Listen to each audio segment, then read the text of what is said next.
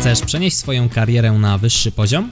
Nieważne, czy pracujesz na etacie, czy jesteś przedsiębiorcą. Świetnie trafiłeś.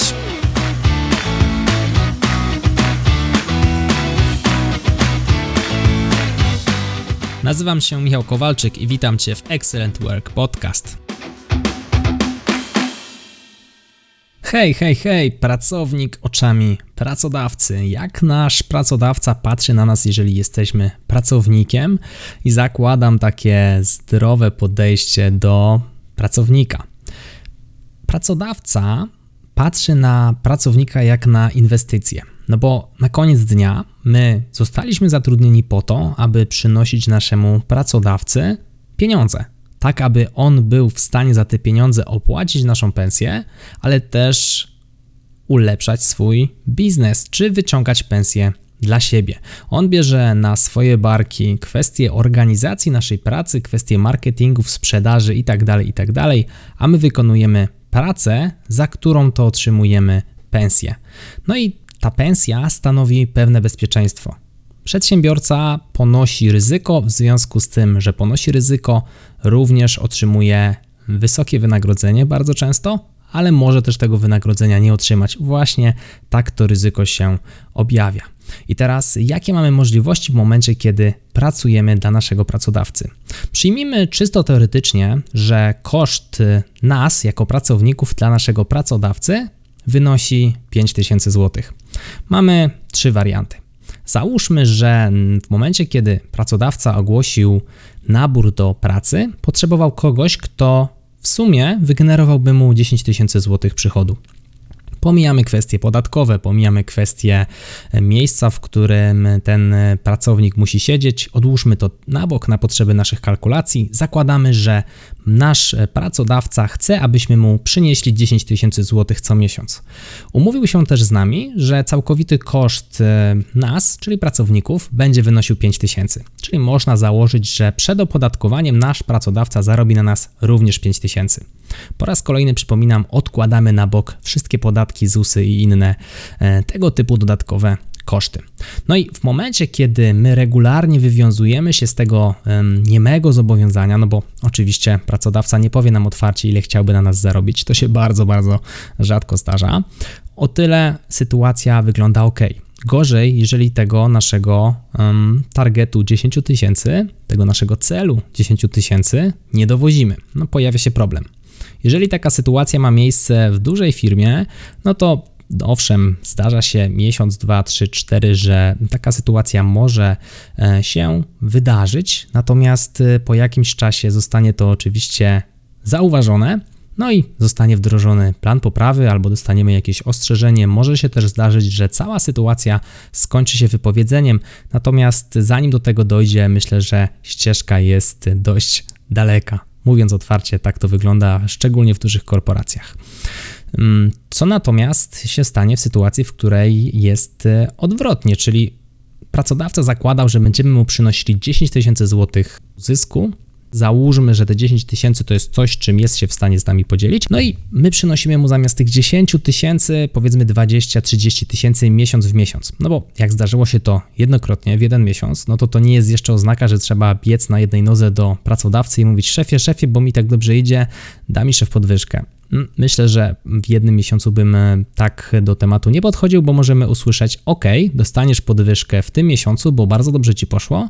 Natomiast jeżeli w przyszłym miesiącu pójdzie ci gorzej, no to będę zmuszony obniżyć ci pensję. No tego byśmy nie chcieli. Dlatego w momencie, kiedy idzie nam w pracy dobrze, kiedy podnosimy swoją poprzeczkę jeszcze wyżej, stajemy się bardziej zyskowni dla naszego pracodawcy, poczekajmy chwilę, upewnijmy się, że to nie jest po prostu jakiś tam łód szczęścia albo po prostu kilka e, jakichś losowych kryteriów się tutaj złożyło na dobry wynik w konkretnym miesiącu. Poczekajmy, upewnijmy się, że to jest już pewien trend, no i wtedy mamy solidny argument do podwyżki. No i teraz, jeżeli pracodawca jest fair w stosunku do nas, a my damy mu taką, e, taki solidny argument do podwyżki, no to myślę, że z dużym prawdopodobieństwem tę podwyżkę dostaniemy. Skoro przynosimy mu więcej pieniędzy niż on sobie zakładał w momencie, kiedy nas zatrudniał, no to wypadałoby się tym zyskiem z nami podzielić. Jeżeli tego nie zrobi, no to co możemy zrobić? No możemy spróbować wynegocjować sobie inne benefity, typu na przykład może lepsze miejsce w biurze, może mm, samochód służbowy, może jakieś dodatkowe ubezpieczenie czy opiekę medyczną w wyższym pakiecie. Możemy spróbować się złapać e, tego typu rozwiązań, ewentualnie zacząć rozglądać się na rynku pracy, bo być może inny pracodawca doceni nas nieco bardziej niż ten obecny. Czyli mamy już teraz trzy opcje w relacji pracownik-pracodawca. Zastanówmy się teraz, e, jak to wygląda też od strony pracodawcy, jeżeli chodzi o koszty, które pracodawca ponosi. Wspomnieliśmy już o ryzyku, wspomnieliśmy już trochę o miejscu, które musi nam zapewnić. Przyjrzyjmy się temu tematowi nieco szerzej. Jeżeli mówimy o pracy w korporacji, jeżeli mówimy o pracy biurowej, no to oprócz tych metrów kwadratowych, które pracodawca musi nam zapewnić, przydałoby się, żeby zorganizował nam też jakieś biurko, żeby zorganizował nam też jakiś komputer, no i ciepła woda w kranie ciepłe pomieszczenie i jakaś woda w toalecie również by się przydały. Jeśli sumujemy sobie te wszystkie koszty i podzielimy w skali roku, to wyjdzie całkiem pokaźna kwota. Pamiętajmy też, że w momencie, kiedy nagrywam ten podcast, y, najniższa pensja krajowa wynosi około 2200 zł. Całkowity koszt dla pracodawcy sięga niemal 3000, natomiast pracownik na rękę otrzymuje około 1800 zł. Także zauważ, że praktycznie dwa razy tyle podatków y, niż ty otrzymujesz na rękę, twój pracodawca musi zapłacić. Także jest to kolejne brzemię, które ciąży na plecach pracodawcy. Kwestia dodatkowa rozwoju ciebie jako pracownika to też jest coś, co leży po stronie pracodawcy. Czyli jeżeli pracodawca chce, abyś przynosił mu większe zyski, warto, aby zastanowił się, czy nie zainwestować w Twój rozwój. Z racji tego, że jest to inwestycja, poniesie jakieś nakłady finansowe w nadziei na to, że te finansowe nakłady się zwrócą. I tutaj apel do Ciebie. Jeżeli jesteś pracownikiem etatowym i Twój pracodawca wysyła Cię na szkolenie, gorąco zachęcam Cię do tego, abyś to bardzo, bardzo docenił. Jestem szkoleniowcem i na co dzień spotykam się z sytuacjami, gdzie idę na szkolenie zewnętrzne do zamkniętej firmy, no i nie każdy w sali jest tym szkoleniem zainteresowany, a jego pracodawca przecież za to szkolenie zapłacił. Gdybyśmy musieli płacić kwoty, które płacą pracodawcy z własnej kieszeni, bardzo często mogłoby zabraknąć nam po prostu pensji. Dlatego doceńmy um, naszych pracodawców i to, że chcą, abyśmy się szkolili, i to, że to, te szkolenia są dla pracodawcy inwestycją w nas, i ta inwestycja fajnie, jakby się najzwyczajniej w świecie zwróciła. Pozostaje jeszcze kwestia zmiany pracy przez nas, ale także zrekrutowania nowej osoby do zespołu. No, warto pamiętać, że to też jest pewien koszt, no bo w momencie, kiedy my już w firmie pracujemy, nasz pracodawca ponosi stałe koszty w związku z tym, że my w tej pracy jesteśmy. Co w sytuacji, kiedy my do tej pracy dopiero się wybieramy? Jak to wygląda? No, sam proces rekrutacyjny jest dość kosztowny. No bo przede wszystkim trzeba napisać jakąś ofertę. Ktoś to musi zrobić, czyli jakieś godziny pracy konkretnej osoby zostaną zużyte na napisanie takiej oferty pracy. Pierwszy koszt. Zanim się pojawi taka oferta pracy, szczególnie mówię tutaj o dużych firmach, no to mija pewien czas, czyli pewne możliwości po prostu mogą nam uciec. Jeżeli odpowiednio wcześniej nie, pracodawca nie zadbał o proces rekrutacyjny, tak aby zespół powiększył się w odpowiednim momencie, kiedy tej pracy będzie więcej, może się okazać, że poniesie koszty utraconych możliwości. Kolejny etap ogłoszenia. No, ogłoszenie jest jakąś tam płatne. Jeżeli chcemy, aby ono było widoczne, jeżeli chcemy zwiększyć szanse na to, że ktoś zgłosi się do nas, do firmy, jakiś ciekawy kandydat, warto to ogłoszenie podpromować, co również niesie za sobą dodatkowe koszty finansowe. Załóżmy, że mamy już e, tych CV X, no i te CV trzeba przejrzeć. Kolejne koszty godzin osób, które się tym zajmą. Następnie trzeba wykonać telefony i porozmawiać z potencjalnymi kandydatami. Znowu kolejne minuty uciekają, kolejne pieniądze e, zostają przepalone na czas, który zostaje poświęcony na wykonanie rozmów telefonicznych. Następnym etapem są już rozmowy stacjonarne, czyli znowu kolejne minuty i kolejne godziny czasu pracy. Na samym końcu przechodzimy do wyboru pracownika, no i niepewności, czy ten wybór jest dobry. Siłą rzeczy, jak bardzo byśmy tego procesu rekrutacyjnego nie mieli dobrze zbudowanego, zawsze pozostaje ta nutka niepewności, czy osoba, która przychodzi do nas do pracy, jest tą osobą, której tak naprawdę szukamy. Czyli jeżeli po trzech miesiącach okresu próbnego, a właśnie taki okres próbny bardzo często spotyka się w dużych firmach, okaże się, że wybraliśmy niewłaściwego kandydata, naraziliśmy się na całkiem spore koszty, no bo trzy pensje trzeba było wypłacić. Ta osoba nie do końca spisywała się na stanowisku. Cały proces rekrutacyjny musimy rozpocząć od nowa, więc znowu czekają nas kolejne koszty. No i na koniec dnia um, straciliśmy pieniądze. Znowu musimy kogoś szukać.